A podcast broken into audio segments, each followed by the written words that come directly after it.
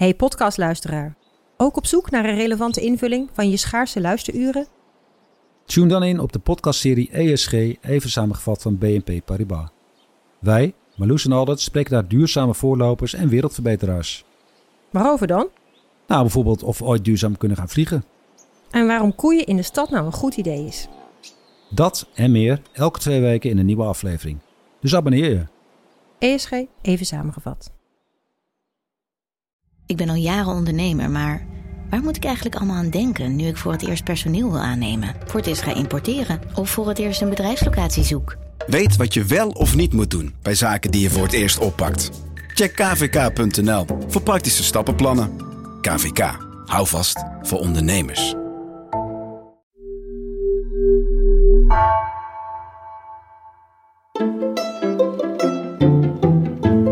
Welkom. Wij zijn Onbehaarde Apen. Dit is een podcast van NRC over wetenschap.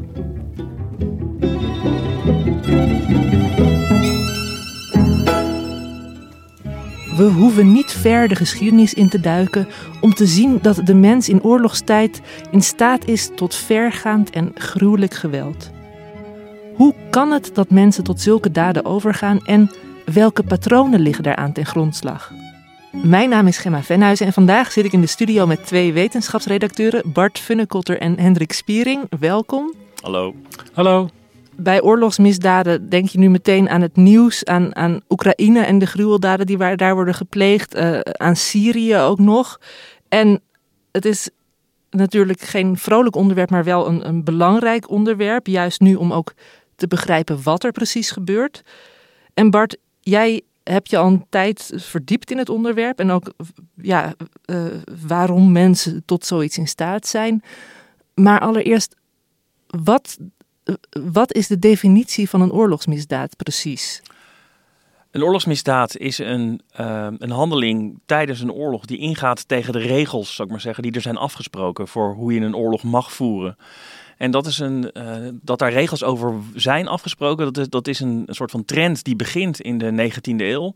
Als er uh, landen proberen paal en perk te stellen aan de verschrikkelijkheid van dingen die op het slagveld gebeuren. Dat zie je onder andere in de omgang met gewonden. Hè. In de 19e eeuw krijg je Florence Nightingale en ook het Rode Kruis.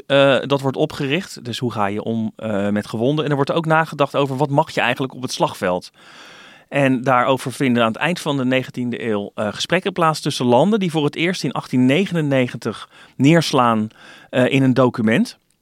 En dat is tijdens een conferentie in Den Haag. En dat document, dat heet in het Nederlands Verdrag Nopens de wetten en gebruiken van de oorlog te land.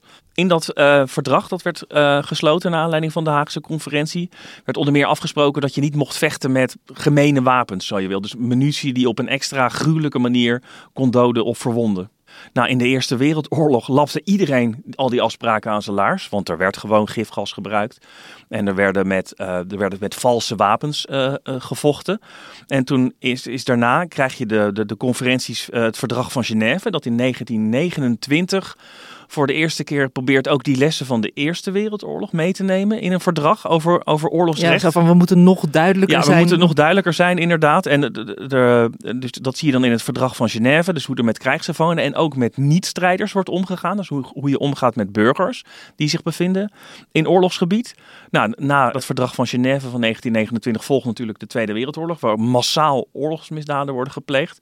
Dan vindt er in 1946 het eerste grote oorlogsmisdadigersproces plaats in, uh, in Nuremberg, waar de belangrijkste nazi-oorlogsmisdadigers worden berecht. En die worden berecht aan de hand van een speciaal handvest, het handvest van Nuremberg waarin allerlei uh, afspraken zijn gemaakt van wat je dan uit die verschillende conferenties daar, uh, welke misdaden je daartegen daar gaat berechten. En dat zijn onder andere oorlogsmisdaden en misdaden tegen de menselijkheid. En het is dus in 1946 dat daar voor het eerst mensen in een tribunaal veroordeeld worden voor het plegen van oorlogsmisdaden en misdaden tegen de menselijkheid. Ja, dat is toch wel een bijzonder moment, Bart. Want de misdaden tegen de menselijkheid is weer een stap verder dan het reguleren van oorlog. Want uh, oorlogsmisdaden is ook misdaden tegen uh, burgers die je dan het slachtoffer laat maken van oorlogsdaden. Maar misdaden tegen de menselijkheid staat eigenlijk los van de oorlog. Ja, zeker. Inderdaad, een oorlogsmisdaad bijvoorbeeld als je dan kijkt naar de Tweede Wereldoorlog. Er wordt over gediscussieerd of het bijvoorbeeld het bombarderen van Dresden Ja. door de geallieerden eh, vlak voor het einde van de Tweede Wereldoorlog. Of dat geen oorlogsmisdaad is. Er zaten heel veel Duitse burgers in die stad. Het was nauwelijks nog een legitiem militair doel. Er overleden toen 25.000 mensen in die vuurstorm. En de discussie die, die je nu bijvoorbeeld ziet is, was dat geen oorlogsmisdaad? Dus dat is een, een, een, hand, een oorlogshandeling waarbij burgers het slachtoffer worden. Misdaden tegen de menselijkheid. Dat is bijvoorbeeld dat is de holocaust. Ja. En dat zou nu, we moeten natuurlijk de onderzoeken nog afwachten, dat zouden nu de misdaden kunnen zijn die de Russische militairen achter het front hebben gepleegd bij het standrechtelijk executeren van burgers met vastgebonden handen. Ja, dus dat is- geen oorlogsmisdaad meer. Het is dus een heel pakket van, van, van extreem geweld, waarbij eh, sommige dingen binnen de oorlog vallen, maar excessief zijn. Waarbij je dus zegt, ja, Dresden, was dat nou wel nodig voor de, het, het bereiken van de overwinning? Dat is dan de afweging. En er zijn dan nog dingen die er eigenlijk helemaal los van staan en die gewoon eh, tegen de menselijkheid zijn. Dat vind ik Ja. wel mooi omschrijven. Ja, dus die kunnen dan wel tijdens de oorlog plaatsvinden, maar niet in het kader van de oorlog, om maar zo te zeggen. Klopt.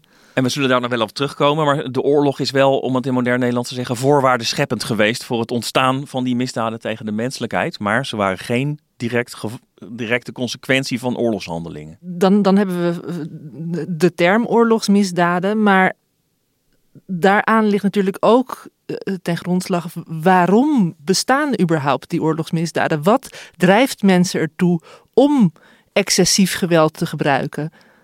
Ja, ik denk dat je dat, dat valt in, in tweeën uiteen. Je hebt mensen die excessief geweld gebruiken omdat het van ze verwacht wordt. En je hebt mensen die excessief geweld gaan gebruiken omdat ze in een oorlog zitten en, ja, ik zou zeggen, het spoor bijster raken, zo je wil. Ik denk dat een heel belangrijk eh, boek, als het gaat om de studie van de motivatie van oorlogsmisdadigers, dat is een boek van eh, Christopher Browning, dat heet Ordinary Men, Doodgewone Mannen. Ehm, dat is een boek uit 1992, dus dat is al een tijd geleden. En dat gaat over een reservepolitiebataljon, reservepolitiebataljon 101 van, de, van het Duitse leger. Eh, In de, tijdens de Tweede Wereldoorlog. tijdens de Tweede Wereldoorlog, ja. Dat politiebataljon eh, is strikt genomen eh, in het leven geroepen om achter de frontlinies de orde te bewaren. Een soort van militaire politie. Maar dat bataljon wordt al gauw in Polen ingezet om op grote schaal Joden te vermoorden. Dat bataljon bestaat uit mannen die in van middelbare leeftijd, dus geen eh, jonge gasten van een jaar of 18, 19, die een heel gewoon burgerbestaan hadden en een eh, normaal beroep. En wat blijkt nou, die zijn, dat, dat politiebataljon, dat is door Browning heel eh, nauwkeurig onderzocht omdat er een proces is gevoerd tegen dat bataljon in de jaren 60. En er, daar, daarvoor zijn heel veel verhoren afgenomen met jongens uit mannen, inmiddels oude mannen uit het bataljon die nog leefden. Want het ging om in totaal tientallen mannen dan? Meer, Honderden? En eh, dus Browning heeft dus eh, zoveel mogelijk van die eh, interviews en procesverslagen doorgelezen. En dat is heel interessant. Er blijkt dus dat van die groep bijna niemand. er zaten relatief weinig heel gecommitteerde naties, waren er, on- maakten onderdeel uit van die groep. En toch deden ze massaal mee aan het executeren van die onschuldige Joden. Ongeveer 80% van het bataljon heeft deelgenomen aan die executies, aan het vermoorden van burgers. En wat Browning nou ontdekte is dus wat ik zei, er, z- er waren weinig overtuigingsdaders eh, bij die 80%. Het ging vooral om mensen die loyaliteit voelden aan hun commandant en aan de rest van de groep. Die commandant was ook geen eh, keiharde natie. Dat was eigenlijk een hele vriendelijke man die toen hij voor het eerst aan zijn manschappen vertelde eh, dat ze deze opdracht moesten uitvoeren, dat hij bijna met tranen in zijn ogen stond, dat hij dit vreselijke werk aan ze moest opdragen. Maar ja, het moest nu eenmaal. En hij had een totaal, wat wij nu zouden kenschetsen als een totaal verwrongen plichtsbesef. Hij had die opdracht gekregen, vermoord die tienduizenden Joden en doe dat. Hij vertelde dat aan zijn mannen. Hij zei, jongens, als je niet wil, eh, hoef je niet mee te doen. En dan... eh, Zonder geen- sancties. zonder sancties, dan krijg je gewoon een baantje in de keuken. Dat werd expliciet erbij Ja, gezegd. dan krijg je gewoon een baantje in de keuken. Wat blijkt dus dat uiteindelijk slechts 20% niet meedeed. En die, die dus eh, met, met goedkeuring eh, van, de, eh, van, de, van hun leidinggevende zich ontrokken aan dit, aan dit, aan dit geweld. Nou, het merendeel van de mannen deed dus wel mee. Daarin was een klein gedeelte was wel overtuigd nazi. En eh, de grootste, het grootste gedeelte deed mee omdat ze de, dus het zo dat ze zoveel loyaliteit voelden ten opzichte van hun commandant. Ze, zag, ze zagen hoe zwaar hij het had, dus ze wilden hem helpen deze uh, rotklus te klaren. Ja, en omdat ze ook dat plichtsgevoel van het moet voor Duitsland. Hoe, uh... Ja, maar het blijkt dus vooral dat vooral de groepsdynamiek veel belangrijker is dan dat soort. Uh, binnen deze groep, dan moet je zeggen. Ik, ik, weet niet of je dat in het algemeen kan zeggen, maar, maar dat zal gelden voor deze specifieke commandant. En, uh, maar dus die groepsdynamiek was heel belangrijk. En, um, en dus inderdaad ten opzichte van een commandant en ten opzichte van je kameraden die het vuile werk niet alleen wilde laten opknappen. Want het interessante is dus dat sommige van de mannen die dus niet meededen, die deden dat, die zagen, zij dat dus niet van ja, maar natuurlijk, want dit is schandalig uh, wat we nu aan het doen zijn. Nee, die zeiden, ja, ik, sorry, ik ben er te zwak voor om, om dit werk te verrichten. Ik laat mijn kameraden eigenlijk in de steek. En later heeft een promovendus van Christopher Browning nog de, de groep uh, die niet meedeed, in het algemeen, op een andere plek trouwens, de groep die niet meedeed uh, aan dit soort uh, geweld verder onderzocht. En daar blijkt dat mensen die iets makkelijker nee zeiden tegen dit soort opdrachten, dit soort onmenselijke opdrachten, dat dat mensen waren die in de burgermaatschappij eigenlijk ook al buiten de groep stonden. Die niet zo hunkerden naar uh, goedkeuring van de groep. En die het dus makkelijker vonden om te zeggen: nee, ik doe er niet aan mee, want ik ervaar ook de sociale druk niet als zodanig. Uh, ik vind het alsnog absurd om te horen dat dus eigenlijk het grootste deel uh, van die mannen aangaf: we willen dit niet, we doen het toch.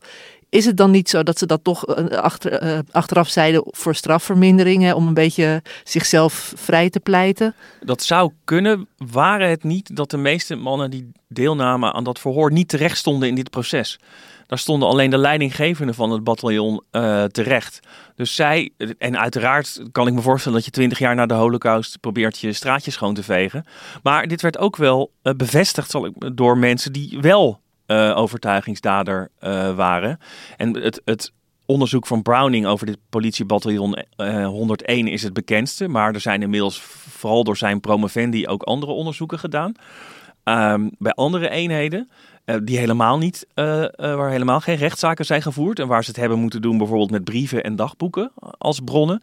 En daar blijkt ook dat vooral cruciaal die rol van de leider van zo'n eenheid is. Zo'n leiderfiguur, zo'n autoriteitsfiguur is heel belangrijk. En dan zeg je dus, hè, de mensen die zich eraan kunnen onttrekken, dat zijn de, de, de mensen die in, in die zin niet gevoelig zijn voor groepsdruk. Nee. Dat zou je dan als een soort karaktertrek. Ja. ja. Minder gevoelig. Die bij wijze van spreken voor de oorlog uh, al, al bij de Alto's hoorden of zoiets dergelijks. En ja, dus, ik, vind dus, ik vind het eigenlijk uh, uh, 20% vind ik dus bijzonder veel. Ongeacht of daar dan, dus daar komen we nog wel op, dat er altijd persoonlijkheids- en sociale uh, factoren meespelen. Want je moet niet vergeten dat dit natuurlijk in de jaren 40 was. Terwijl er dus al, al tien jaar uh, nazi-propaganda was. In een nationalistische wereld waarin, waarin het Duits zijn en het overleven van Duitsland tot, tot absurde dingen wordt, wordt, wordt, wordt benadrukt, tot absurde hoogte wordt benadrukt. En dan zijn er dus toch nog in die situatie. Ze kunnen het dus ongestraft doen, dat maakt het makkelijker. Maar dan moet je ook nog maar afwachten of dat echt zo is. Want voor hetzelfde geld worden ze dan ook nog uh, gepakt. En dat er dan toch 20% daar niet aan meedoet. En dat ze zich dus, sommigen zich schamen voor hun zwakheid. Dat, dat zegt al over de hele denkwereld. Ze dachten dat het het goede was. Hoe dat, het absurde is dat je dus het, het, het, streven naar goed te doen, voor je land in dit geval, tot, tot het diepste kwaad kan komen. Ja, dat het een soort heel ander paradigma ja. al was, waarbinnen zij dan eigenlijk uit de groep moesten stappen. En, ja, en... want wij zitten nou in een, een clean studio. Zij zaten in het veld, uh, al uh, tien jaar geïndoctrineerd. En, uh...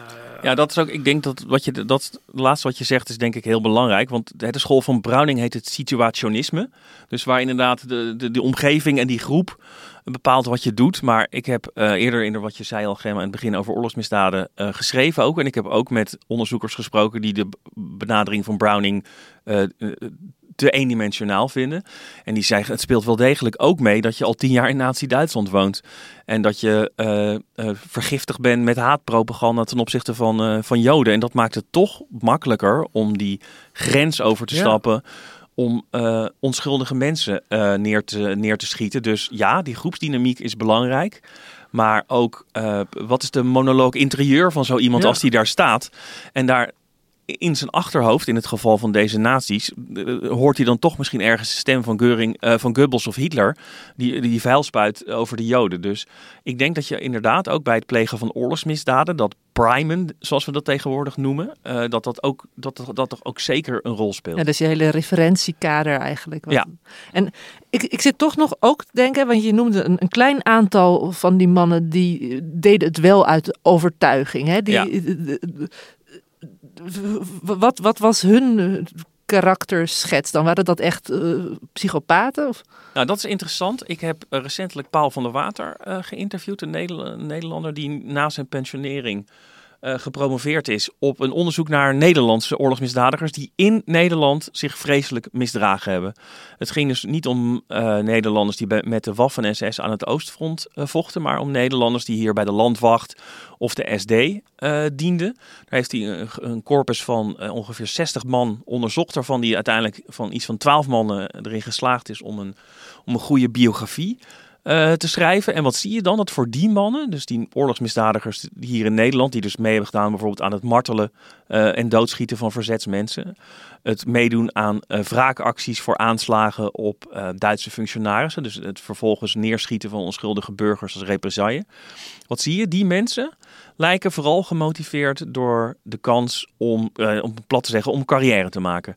Dat zijn mensen die sociaal vastzaten en die in, de, in het naziregime en de, de, de, de mogelijkheden die de bezetting bood om, uh, om carrière te maken, hun kans zagen en bereid waren daar ook alles voor te doen.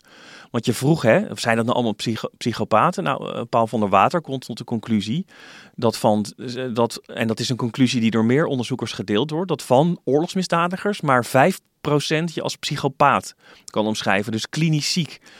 Uh, en dat zijn dan ook mensen die zich zo verschrikkelijk misdragen dat de nazi's op een gegeven moment ook zeggen van ja, dit is niet de bedoeling. Een van de personen die Van der Water onderzocht, die was bijvoorbeeld het eerste verhoor waaraan hij mee mocht doen, sloeg hij de gevangenen zo hard in elkaar dat hij zijn kaak brak en al zijn tanden eruit lagen, uh, zodat hij niet meer kon verklaren over andere verzetslui. Hij kon geen, geen andere verzetslieden meer uh, verraden. En toen zeiden de, de Duitsers dus tegen die Nederlandse man van ja, dit is niet de bedoeling. Zoveel geweld is ook niet de bedoeling. Ja, maar het ging niet om het geweld, maar om het praktische effect. Klopt, het ging om het praktische effect. Maar dit, dit was dus iemand die ook uit andere gedragingen uh, bleek dat hij een psychopaat was. dus, dus je hebt dus dat. Maar dat was een uitzondering. Dat is dus een uitzondering. De meeste mensen zagen gewoon een kans om carrière te maken en waren in staat daarvoor op gezette tijden uh, hun empathie uit, uit te schakelen. Want bij wijze van spreken tegen hun eigen moedertje uh, waren ze hartstikke lief. Maar ze waren dus in staat om mensen die ook natuurlijk gedeeltelijk uh, ontmenselijkt waren. En die ze ja. ook echt zagen als een vijand. Een directe bedreiging van de, de wereldorde die zij, die, waaraan zij hun hele hoop op een beter ja, leven te danken hadden. Het was een bedreiging voor hun carrière. Het was een bedreiging voor hun carrière. Uh, daar waren ze dus bereid om die mensen uh, uh, te martelen en te vermoorden. Ik hoor eigenlijk, uh, ik zit een beetje op twee gedachten te hinken. Want aan de ene kant zegt Hendrik van nou je hebt die groep die uh, echt voor zichzelf durft op te komen en te zeggen hier doen wij niet aan mee. Dat is inderdaad een hoopgevende gedachte. Aan de andere kant zijn er dus mensen die om uh, hè, sociaal of financieel gewin wel bereid zijn om moorden te plegen wat, waar ze dat normaal niet zouden doen. Zou je kunnen zeggen dat dan in het merendeel van de mensen een, een moordenaar schuilt? Dat is natuurlijk de, de eeuwige discussie. Een beroemde discussie. De beroemde discussie op dit moment. Ik weet niet of iedereen zich dat wel eens afvraagt, maar ik vraag me dat dan wel eens af als je met dit soort materie bezig bent. Van als het zover is, hoe zou ik, hoe zou ik me dan gedragen? Een heel um, een bekende casus in deze is natuurlijk uh, is Adolf Eichmann. De organisator van de Holocaust, die was ondergedoken in Argentinië door uh, de Israëli's is ontvoerd en daar in de jaren 60 um, is berecht. En Hannah Arendt, uh, de bekende uh, Duits-Joodse filosoof, was bij dat proces aanwezig, heeft erover geschreven en die muntte toen de term de banaliteit van het kwaad. Nou, wat, wat ze daar precies mee bedoelde, daar kan je een andere uh, podcast over maken. Maar de essentie van wat veel mensen in Eichmann zagen, was dat dat een soort van kantoorklerk was. Die nu eenmaal de opdracht had gekregen dat dit zijn taakje was het om het vermoorden van miljoenen Joden te regelen. En die dat dan ook gewoon uh, uitvoerde. Dus uh, zelfs, uh, hij, Eichmann zag er tijdens dat proces ook uit, als, als ik zeg, als een hele sneuwe, als een, gewoon een sneuwe ambtenaar. Die in, in, die situatie verzeild ja, was niet geraakt. een militaristische nee. gek, zeg maar. En maar uiteindelijk, wij weten inmiddels overigens dat hij, dat, Ja. dat hij die rol speelde. Dit, Ja. dit was nep, hij was wel zeker een overtuigingsdader. Maar het beeld dat heel veel mensen daar kregen van mijn hemel. Als, Als- hij het al kan. Als zelfs dit soort, zo'n schri- hij werd dan een schrijftafelmoordenaar genoemd. Hè? Als zelfs zo iemand dat kan op die manier, dan, dan, dan, dan huist in principe dus ook in de, in de braafste burgervader in potentie een Ja, massamoordenaar. Maar dat is eigenlijk, ik heb haar altijd beschouwd als zeg maar dat Hannah Arendt, hoe slim en intelligent ze ook was, het zich helemaal mee heeft laten slepen door de verdediging van de Eichmann. Dat hij dus maar een schakeltje was. Bevel is bevel. Ja, maar eh, het, het, alles wat je vertelt is, is daar ook in strijd mee. Weet je, de- het, alsof, alsof er geen enkel moment was waarop hij dat niet had kunnen doen. ja. Weet je dat, ja, nou ja als, ze- als ze hadden gezegd dat ik sla moest gaan kweken, had ik dat gedaan. Nou, zo lag het natuurlijk helemaal niet. Het, hebt, het is zo'n omgeving waarin die mensen functioneren en waarin, dat, waarin ze trots zijn op wat ze doen. Dat is altijd het, eh, het, het interessante, dat ze zich eigenlijk nergens voor schamen. Alleen als ze dan voor de Israëlische rechter in Jeruzalem staan, dan hebben ze ineens een ander verhaal natuurlijk. Ja, want de conclusie van Paul van der Water eh, over dit- dat onderzoek naar die Nederlandse oorlogsmisdadigers, die dus landgenoten eh, martelden en vermoorden, die zegt ja, omstandigheden spelen een rol, maar er is ook nog iets anders. Er is ook nog zoiets als wat je aanleg of dispositie zou kunnen noemen. Ja, je kunt eigenlijk eh, de, al die theorieën in tweeën verdelen. Ofwel de mens is inherent slecht, ofwel de mens is inherent goed. En zoals altijd eh, is het geen van beiden natuurlijk waar. Want je ziet mensen die goed doen, mensen die slecht doen. En omstandigheden spelen altijd enorm mee. En ik, ik vind zelf, eh, Abraham de Zwaan, de Nederlandse socioloog, die heeft daar een boek over geschreven, een jaar of acht geleden alweer, of zeven. The Killing Compartments, The Mentality of Mass Murder. Gaat heel erg over dit soort types waar jij nu over vertelt. En hij zegt, je moet het eigenlijk op vier niveaus bekijken. We hebben het allemaal al een beetje erover gehad. Dat het dus eh, het, het, het macro-sociologisch niveau van ja, de samenleving. Je hebt dus staten, regeringen die er, die er brood in zien om een agressieve oorlog te beginnen, om daar eh, eh, misdaden te, toe te laten. En die mannetjes die hobbelen mee en die wereld die wordt gecreëerd. Dat doen ze niet zelf. En dan heb je de instituties. Hoe is zo'n politiebataljon ge, precies gereguleerd? Dat maakt ook alweer een heel groot verschil uit. En de, je hebt dan ook nog, ja, hoe, hoe, hoe is de persoon zelf, hoe groeit die op? Wat voor school heeft hij gezeten? Dat zijn die, die 20% wat je noemt. Dat wordt dan ja, in mijn ogen toch een beetje vaag geformuleerd. Mensen die vroeger al niet zo gevoelig waren voor eh, Groepsdruk. groepsdruk. Maar waarom was dat? Was dat omdat ze op een, eh, op een vrije school hadden gezeten? Of omdat hun ouders anarchist waren? Of, Ja, want om- dat is- of, of omdat ze zelf een, een, een psychologische aandrang hadden daarvoor? Dat weet je ook niet. Ja, want het is natuurlijk iets heel anders of je al vanaf jongs af aan eh, bepaalde denkbeelden hebt meegekregen. eh, Ja, als je de, of je ouders hebt die zeggen denk zelf, doe niet wat een ander zegt. Of, of eh, ja, je, bent, je zoekt altijd de ra- om psychologische redenen de rand op. Dat kan hetzelfde effect hebben natuurlijk. En dan heb je ook nog het, het, ja, het, het echte, daar zitten we nu op, het diepe psychologische factor. En dat speelt dus allemaal, een- allemaal een rol mee. Ja, dus eigenlijk, hè, wat wat jij net al zei, klinkt het alsof de waarheid in het midden ligt. Dat sommige mensen onder bepaalde omstandigheden, eh, zoals het onderzoek van Van de Water ook duidelijk laat zien, hè, sommige mensen zijn wel degelijk in staat tot daden die ze in hun dagelijks leven niet zouden doen. Maar je kunt niet voor iedereen zomaar zeggen, in ieder mens schuilt een moordenaar. Nee, en dat, dat, eh, wat ook nog zo is, is dat er onder deze discussie over massamoord en, en, en vreselijke extreme misdadigen, misdadig eh, eh, gedrag, speelt ook nog een discussie over wat is geweld eigenlijk? Het, de, je hebt een, een tijd lang een, het idee gehad dat alle geweld slecht is. Maar ja, het is dus zelfs zo erg dat het woord agressie heeft dus zeg maar een soort vriendelijk broertje gekregen in de vorm van assertiviteit. Dus agressie is fout, maar assertiviteit is over het algemeen goed voor jezelf opkomen. Maar dat is eigenlijk ook een vorm van agressie. En Voor een Eh, soort van toelaatbare of geoorloofde agressie. Ja, dus zeg maar helemaal aan het andere geweldskader. Wat, wanneer begint agressie en is er, is er assertiviteit? Kijk, eh, we hebben het, leven nu natuurlijk in een, in een wereld waarin eh, geweld, fysiek geweld, een staatsmonopolie is in principe. Als ik een. eh, eh, als ik s- s'nachts uit mijn slaap word gehouden door rennende kinderen op de gang, zoals Mathieu van der Poel, ja. Mathieu van der Poel had, dan, dan mag hij niet zelf een klap geven en wegsturen. Dan moet hij de veiligheidsmensen bellen. Maar dus waar ligt, dat mag dan wel. En Ja, wa- wa- wanneer is geweld toelaatbaar? Want dat had ik in het begin, hadden we ook al even die term excessief oorlogsgeweld. Hè? En ik denk dan meteen van ja, is, is, al het geweld niet excessief? Want ik kan me eigenlijk geen situatie voorstellen waarin geweld gerechtvaardigd is, tenzij het een soort eh, reactie is op ander geweld. Tenzij, daar kom je dus op. En het, het woord tenzij, ligt alles in. Kijk, je kan zeggen, eh, er zijn in de jaren 50 en 60 ontzettend veel, vaak evolutionair geïnspireerde theorieën geweest. Dat, eh, dat eh, de mens eigenlijk geboren is om gewelddadig te zijn. Een beetje een soort post-sociaal darwinistisch idee, strijd om het leven.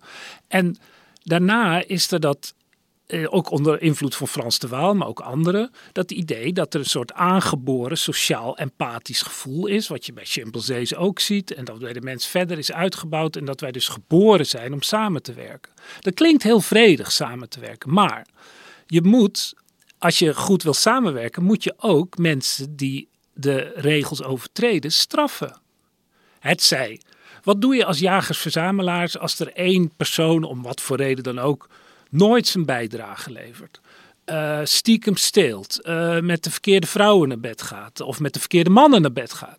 Hè, dat, dat allemaal problemen oplevert. Die moeten gestraft worden. In de, dat, ik heb helemaal geen goed gevoel voor al die grote computermodellen om dit te modelleren. Maar er komt wel consequent uit dat wil je een sociaal systeem waarin eh, empathie en elkaar helpen werkt, moet altijd een systeem zitten om te straffen. Ja, want anders, mensen hebben grenzen nodig. En, en ja, als, en ook anders stort het systeem in. Want als, er- als er eentje, als er eentje zeg maar meelift op, op het werk van de ander, en het worden er twee, het worden er drie, het worden er vier. Op een gegeven moment staat één iemand te werken voor iedereen. Dat werkt natuurlijk niet. Dus er moet een systeem zijn, al is het maar de dreiging van dat systeem, om te straffen. En wat is straffen anders dan geweld plegen, het zij fysiek, het zij mentaal, op iemand die dat niet wil. Dat is ook, je hebt de meest fantastische definitie van geweld, maar het komt altijd door neer op schade toebrengen aan iemand die dat niet wil. Ja, Ja. En het is wel, als ik, daarin hoor ik wel ook weer, het is altijd in reactie op. Ik bedoel, je start niet vanuit het niets geweld. Nee, maar niks is gebeurd vanuit het niets. Je hebt natuurlijk, eh, ja, maar dat maakt niet uit, omdat het geweld eigenlijk dan onderdeel is van een soort controlesysteem om, om, om het hele systeem te laten werken. En dan krijg je dus dat, dat er een mogelijkheid is om geweld te gebruiken. En dan eh, fast forward naar oorlogssituaties. Waarin dus, als je naar de geschiedenis kijkt, dan gaan we even ver voor die Geneefse conventies. Dan is een normale manier van oorlog voeren is terreur. Je hebt een, neem de Romeinse legioenen, 5000 man per stuk. Die zitten in een omgeving met miljoenen mensen om zich heen. Hoe doe je dat? Hoe? Door gewoon ze enorm bang te maken. Dus als je een stad verovert, dan vermoord je iedereen. Nu zeggen we ja, dat is tegen de mensenrechten. En dat zullen ze toen ook eh, gevonden hebben. En er was altijd een gevoel van ja, dat, dat, dat, is, dat is niet netjes, maar dat moeten we doen. Precies zoals die Duitsers in de oorlog. Dat moeten we doen, want anders is ons hele systeem verloren. Ja, Dus Ze konden het krijgt- zelf rechtvaardigen, zeg maar. ja, Ja, ze Om- zijn over om- de om- Romeinen. Hè. Ze, eh, ze maken een woestijn en noemen het vrede. Ja. Eh, dat, was hun, eh, dat was hun tactiek. Ja, en als je dus, maar het gevolg was ook dat als je één stad uitroeide, ik, ik maak het nou heel simpel natuurlijk, dan had je twintig steden gepacificeerd en dan schikte die zich in het, in het geheel. En dat, dan was er vrede en dan kreeg je handel. En ja, ik wil, ik wil het niet gaan goed praten hier, absoluut niet. Maar je ziet het ook in, in moderne oorlogssituaties. En we hebben met de politionele acties en de, dus de koloniale oorlog in Indonesië, hebben we net eh, schitterende rapporten gehad. Waarbij dus al die geweldsexcessen, zoals ze vroeger werden genoemd. Dus eh, mensen die standrechtelijk geëxecuteerd werden, zoals Wesseling op Celebes deed. Dat zijn beroemde oorlogsmisdaden.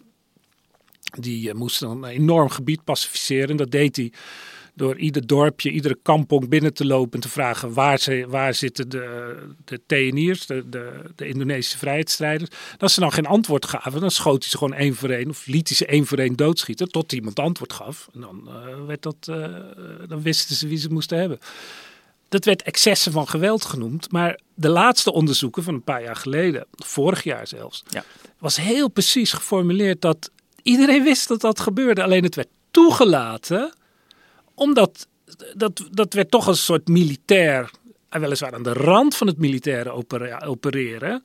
Dat werd niet goed gepraat, het werd, maar het werd stilzwijgend toegelaten. Dat is dan misschien het verschil met eh, de nazi's. Ja. Er werd stilzwijgend toegelaten, omdat toch het gevoel was, ja, we hebben er wel wat aan. Precies zoals die Romeinen dachten, nou, eh, even een bloedbad aanrichten en dan zijn we voorlopig van het eh, gezamenlijk af. Maar dat was al een paar jaar na Nuremberg. Dus hè, de definitie Ja, van. daarom, Ja, daarom zeker. werd het ook altijd ontkend natuurlijk. Ja, dus, dus- En dan komt ook nog het Nederlandse zelfgevoel van we zijn eh, pacifisten en neutraal en eh, we zijn helemaal niet militaristisch. Ja, ju- juist dat het zo vlak na Nuremberg was, maakte het extra moeilijk om dat, om dat toe te geven. Dat, eh, wat natuurlijk lang niet alle Nederlandse militairen daar eh, deden tijdens die onafhankelijkheidsoorlog van Indonesië. Maar dat er gewoon vrij serieuze oorlogsmisdaden werden gepleegd door Nederlanders die het in eh, gruwelijkheid weinig onderdeden voor wat, eh, voor wat nazi's af en toe Ja. hebben uitgehaald. Maar ja, en dan wat je dus hebt is dat je er worden voortdurend, soms op grote schaal, soms op hele kleine schaal, situaties gecreëerd waarin die lichte neiging om geweld te gaan gebruiken enorm uitvergroot wordt. Want er wordt, ook- je hebt ook van die theorieën, ja, mannen gebruiken altijd geweld en dat is de krijger. En nou, ik weet niet hoeveel mannen jullie kennen die eh, iedere dag eh, wel iemand een klap geven. Dat gebeurt echt heel weinig. Nu. ja. Vroeger werd, werden bijvoorbeeld kinderen heel vaak geslagen omdat gedacht werd dat het goed was voor de opvoeding. Ja, dus Niet daarbij zeg alle ouders dat- deden dat, maar het gebeurde wel. Daarbij zeg je ook weer, dat was eigenlijk de context toen, hè, van, het- het werd, werd, werd toen gerechtvaardigd en eh, werd, werd eh, al dan niet oogluikend toegestaan. Ja, dat is dan, nu vinden we dat gruwelijk. En, maar in de Bijbel staat, en dat werd dan ook vaak in dat kader ge- ge- geciteerd. Wie zijn kind lief heeft, sparen de roede niet. Dus haalt de knuppel uit de kast. Ja, het is een, laten we zeggen, een pedagogische opvatting. En het is dus ook niet zo dat de mens niet in staat is tot geweld. Want ik zal je een voorbeeld geven. Eh, Gisteravond werd er laat bij mij thuis aangebeld. En dacht ik, hé, wat kan dat zijn? Dus ik deed wel open, maar ik merkte, en ook al met, omdat ik wist dat ik deze podcast Ja. ging op, op, opnemen, dacht ik, eh, voelde ik dat ik dacht, nou, als dat nou, ja, ik woon in een hele brave buurt, dus de kans is nihil, maar ik maakte me toch klaar. Ik dacht, als dit vijandig is, dan sla ik gelijk terug. Weet je, je moet dat vaak van tevoren. Dus ik was klaar voor geweld. Ik, ik, weet niet hoe het afgelopen was. Het was gewoon iemand die een pakje voor de buren kwam afgeven natuurlijk. Nou, maar je En- merkte bij jezelf, merkte je het, de agressie. Die, Nou ja, de potentie voor tot agressie. Ik wil het ook niet overdrijven, maar ik, je voelt dan dat je... Ja, dat zit gewoon in de mens. En ik was verder bijzonder zachtaardig tegen die pakjes bezorgen natuurlijk. Ja, want dat, wat ik vind het interessant dat je zegt dat ge- de potentie tot geweld eh, zit in de mens. En we hebben het eh, tot nu toe gehad eh, eh, eh, om, we hebben het gehad over oorlogsmisdaden die gepleegd werden eh, omdat het min of meer de bedoeling was. Eh, in het kader van of dat nou de Romeinen waren of, of de nazi's. Maar er is natuurlijk ook nog een situatie. en daar denk ik nu aan, omdat we toevallig bij NRC deze week een, een, een verhaal hadden dat ging over Australische oorlogsmisdaden in Afghanistan. Ja, een Oeruzgan. Ja. In Oeruzgan inderdaad. En dat, dat betrof een eenheid, een Australische commando-eenheid, die daar, zich daar te buiten is gegaan aan het martelen en vermoorden van waarschijnlijk eh, van onschuldige mensen. En daar was het in principe niet de bedoeling dat ze dat, eh, dat, ze dat deden. En dan zie je dus dat, eh, dat het geweld er ook op zo'n op zo'n moment ook uit kan komen. En dan kom je weer, en dat, is, dat vond ik, vind ik een interessante parallel met de, het politiebataljon 101 dat een belangrijk deel van de schuld daar lag, eh, ligt waarschijnlijk, eh, want er is niemand voor gestraft tot nu toe nog in, in Australië, bij de leidinggevende van die eenheid. Die onvoldoende paal en perk hebben gesteld aan die toepassing van geweld. Die niet hebben gezegd van nee, nu hier is het genoeg. Eh, nu is het klaar. En die uh, eenheid was een commando-eenheid. Dat was een elite-eenheid. Dus dat waren ook mannen die zichzelf zagen als de beste van de beste en de hardste van de hardste. En, en die misschien ook minder naar hun leider wilden luisteren? Daarom? Nee, nee, want er wordt wel geluisterd naar de leider. Ja, uh, in, in, in militaire situaties. Binnen zo'n eenheid. Maar dus die leiders, die keurden dat geweld niet af. Die, die, er waren, was zelfs sprake van ontgroeningsrituelen, waarbij nieuwe mannen in de eenheid een onschuldige burger moesten vermoorden. En daar zie je dus dat die eenheid was uh, te lang in het veld eigenlijk. En daar ontstond dus uh, wat we brutalisering uh, noemen in slecht Nederlands. en dat is dus dat je zo, met door zoveel, constant door zoveel geweld omgeven bent. dat, dat je morele kaders beginnen te schuiven.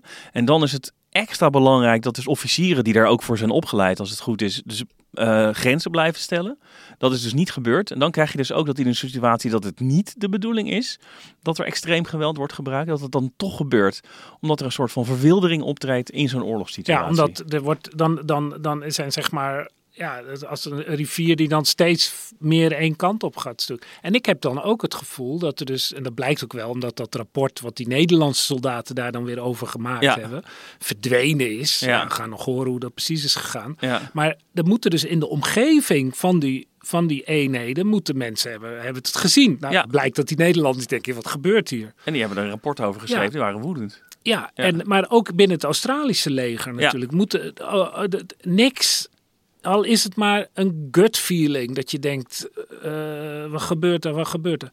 Maar er wordt dan toch ook weer met de mantel der liefde bedekt. Van ja, hoor eens, we moeten dat, uh, we staan in moeilijke omstandigheden. Want ja. zo ja, prettig was het niet in Oeruzgan. Nee. Maar eigenlijk al die snipers overal. Wat je eind jaren 40 dan op Celebes zag gebeuren, hè, dat het werd toegedekt met die mantel der liefde. Was Oeruzgan, welk jaar was het, de Australiërs? Ja, jaren 90, ja, 2000. Dus, nee, jaren 2000 natuurlijk, na, na 9-11. Ja, dus oh ja, natuurlijk. Ja, ja. sorry.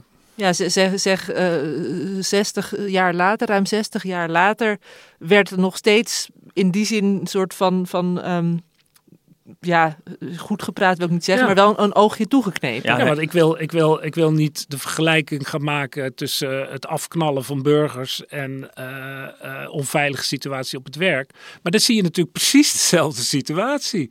Dat in al die cursussen daarover wordt voortdurend gezegd als je iets ziet wat je niet bevalt, zeg het, laat het blijken. Want anders ontstaat er een sfeer waarin uh, mensen zich niet gesteund voelen. Die daar, alleen maar in gezamenlijkheid kan je daar tegen optreden om die sfeer te kantelen. En anders wordt die sfeer steeds beroerd. Ja, zo doen oh ja, we vinden. Het zo gaat al jaren. Het is ja. maar een grapje. Ze doet zo, dat, dat moet, ja, zo doet hij nou eenmaal. Weet je, dat soort verhalen krijg je dan. Maar dat is ook, het doet me ook denken. Hè, binnen de natuurbescherming heb je dan uh, shifting baselines. Dat mensen zeggen van, oh ja, maar uh, dit landschap zag er vroeger heel anders uit. Alleen dat weet niemand meer. En op een ja. gegeven moment is iedereen eraan gewend dat het een heel eentonig. Uh, ja, dat nu de, de graslanden als natuur worden beschouwd. Ja. Dat is toch prachtig. Terwijl vroeger stond het vol met korenbloemen. Ja, en dit zijn inderdaad, of, dit zijn morele shifting baselines. Uh, wat normaal is, dat schuift steeds verder op. En in dit geval dus min of meer per ongeluk in het, in het geval van Oeruzgan. Maar bijvoorbeeld ook als je denkt aan de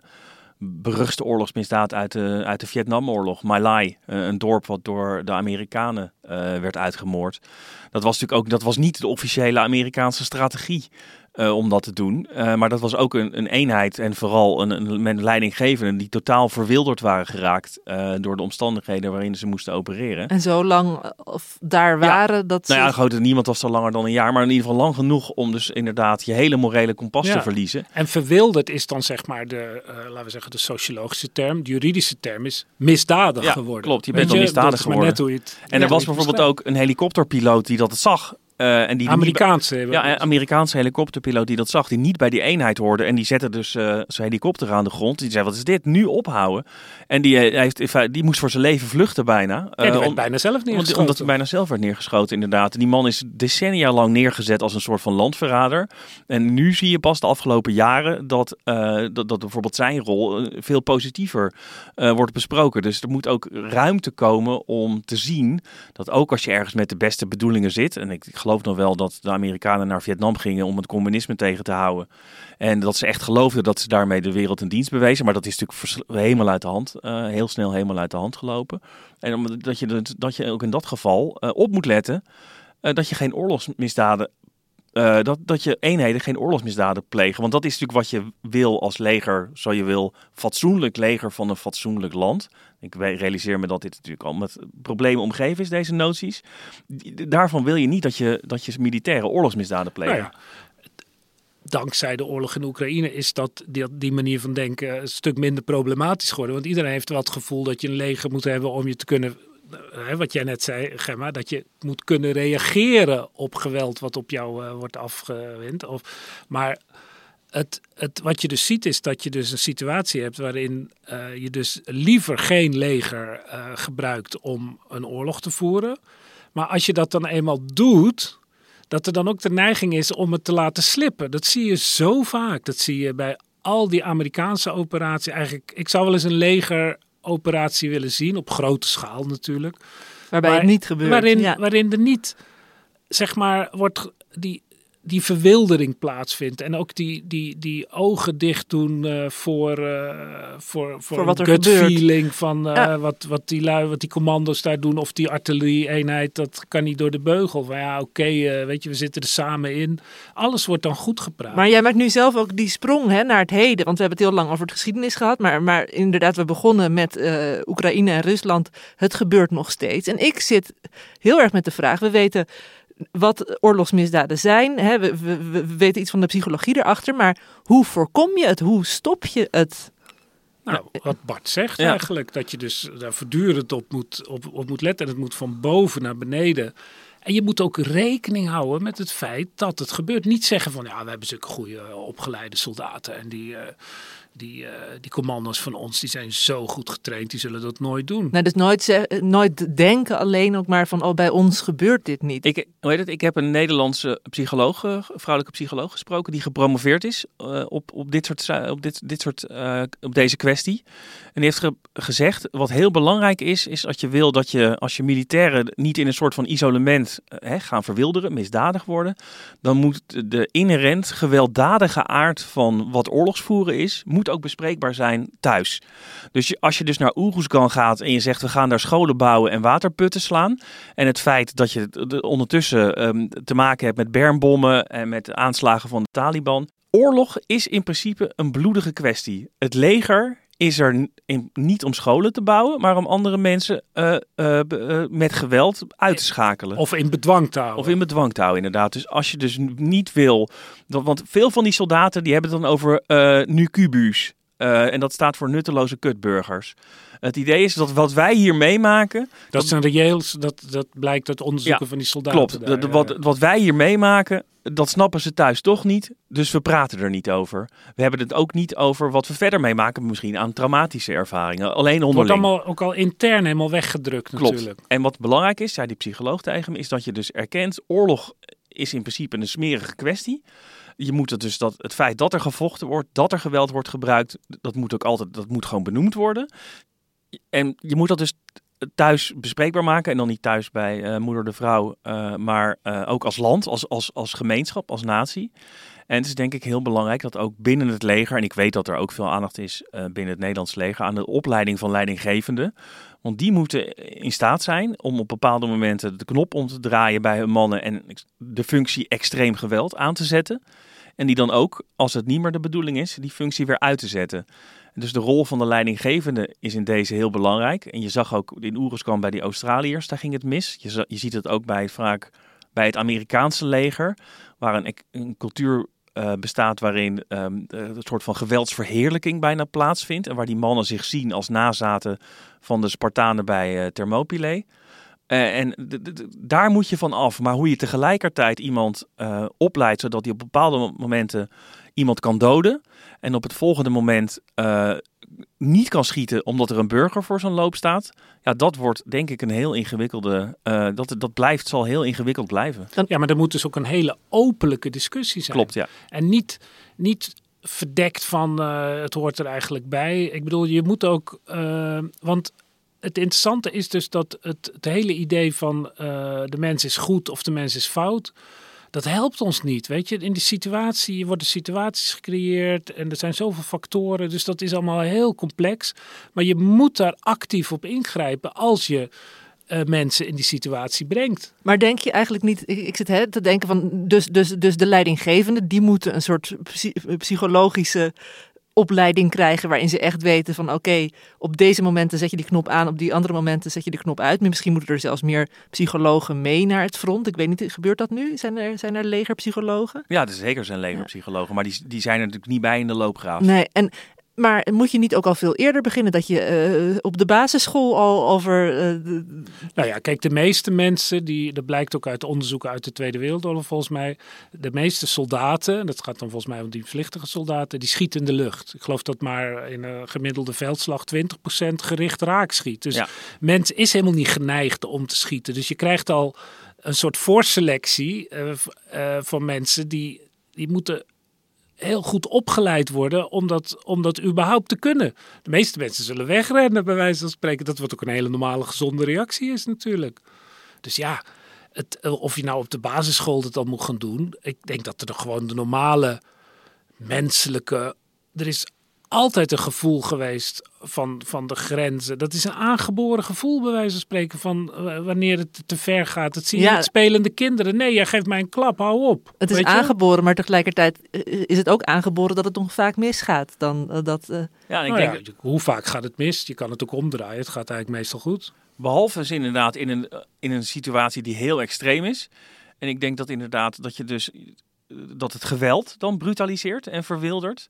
En aan de andere kant dus eh, eh, het gif wat je van de maatschappij, eh, wat je vanaf je, van je leidinggevende, je politieke leidinggevende eh, meekrijgt. Dus ik denk dat wat er, wat de, de oorlogsmisdaden die expres begaan worden, zoals die van de nazi's, Ja. waar we deze, dit gesprek mee begonnen. En de oorlogsmisdaden die niet de, in ieder geval niet van in het begin de bedoeling waren, zoals die in, in Afghanistan gepleegd zijn en ook wel in Vietnam. Eh, ik denk dat de, de, de, de, gemene deler die die beide hebben, is dat er eh, krachten inwerken op mensen. En dat, is dus in het, dat kan dus extreem geweld zijn, dat kan ehm, haatpropaganda zijn. eh, die er uiteindelijk toe leiden dat je inderdaad die grens eh, overgaat en oorlogsmisdaden pleegt. Want de mensen die dus inderdaad vanaf moment één in een situatie komen en iemand meteen al zijn tanden uit zijn mond slaan en zijn kaak breken, dat blijken, eh, dat blijken dus die psychopaten te zijn. En dat is maar 5%. Nou, dat, dat is weer een heel geruststellend einde dan. Nou, gaat het natuurlijk hierbij wel om mensen die dan. Hè, we, hebben- we hebben het dan nu wel van hoe, hoe kun je het stoppen? Hoe kun je oorlogsmisdaden stoppen? Dan moet je het wel willen. Want als, Daar begint het mee. Ja, Ja, begint het klinkt mee. Ja. Klinkt heel naïef misschien, maar ik bedoel, eh, we zeggen nu wel de hele tijd van, oh, de leiders moeten het goede voorbeeld Ja, geven. maar dat doen ze in, in Rusland doen ze dat. Nee, Vladimir en- Poetin doet en- dat niet. Je hebt wel in zoverre gelijk dat dat moet ook een, een, een bewust idee zijn dat het uitoefenen van terreur vaak een hele effectieve eh, strijdmethode is. Je moet eh, eh, de tegenstander bang maken. En ja, dat, dat, dat kan heel snel uit de hand lopen natuurlijk. Het voor weet eh, hang je de lijken aan de bomen natuurlijk. Ja, Nou, het is in ieder geval duidelijk dat het belangrijk is om erover te praten. Wij zijn hier nog lang niet over uitgepraat, maar eh, ik ga nu toch naar het einde toe. Dank jullie wel, Hendrik Spiering, Bart Funnekotter. En eh, dank ook aan Rosa van Toledo en Mandula van den Berg voor de productie. En eh, nou, na deze eh, heftige aflevering toch nog wat opbeurende muziek van het Dudu Quartet. Wij zijn er volgende week weer. Tot dan. De tempo-aanduiding van Ravel is ook perfect voor oorlogsvoering. Assez vief. snel genoeg, Ja, snel maar niet genoeg, te snel. Niet te snel. Nou, die mag er nog even zo overheen. Ja.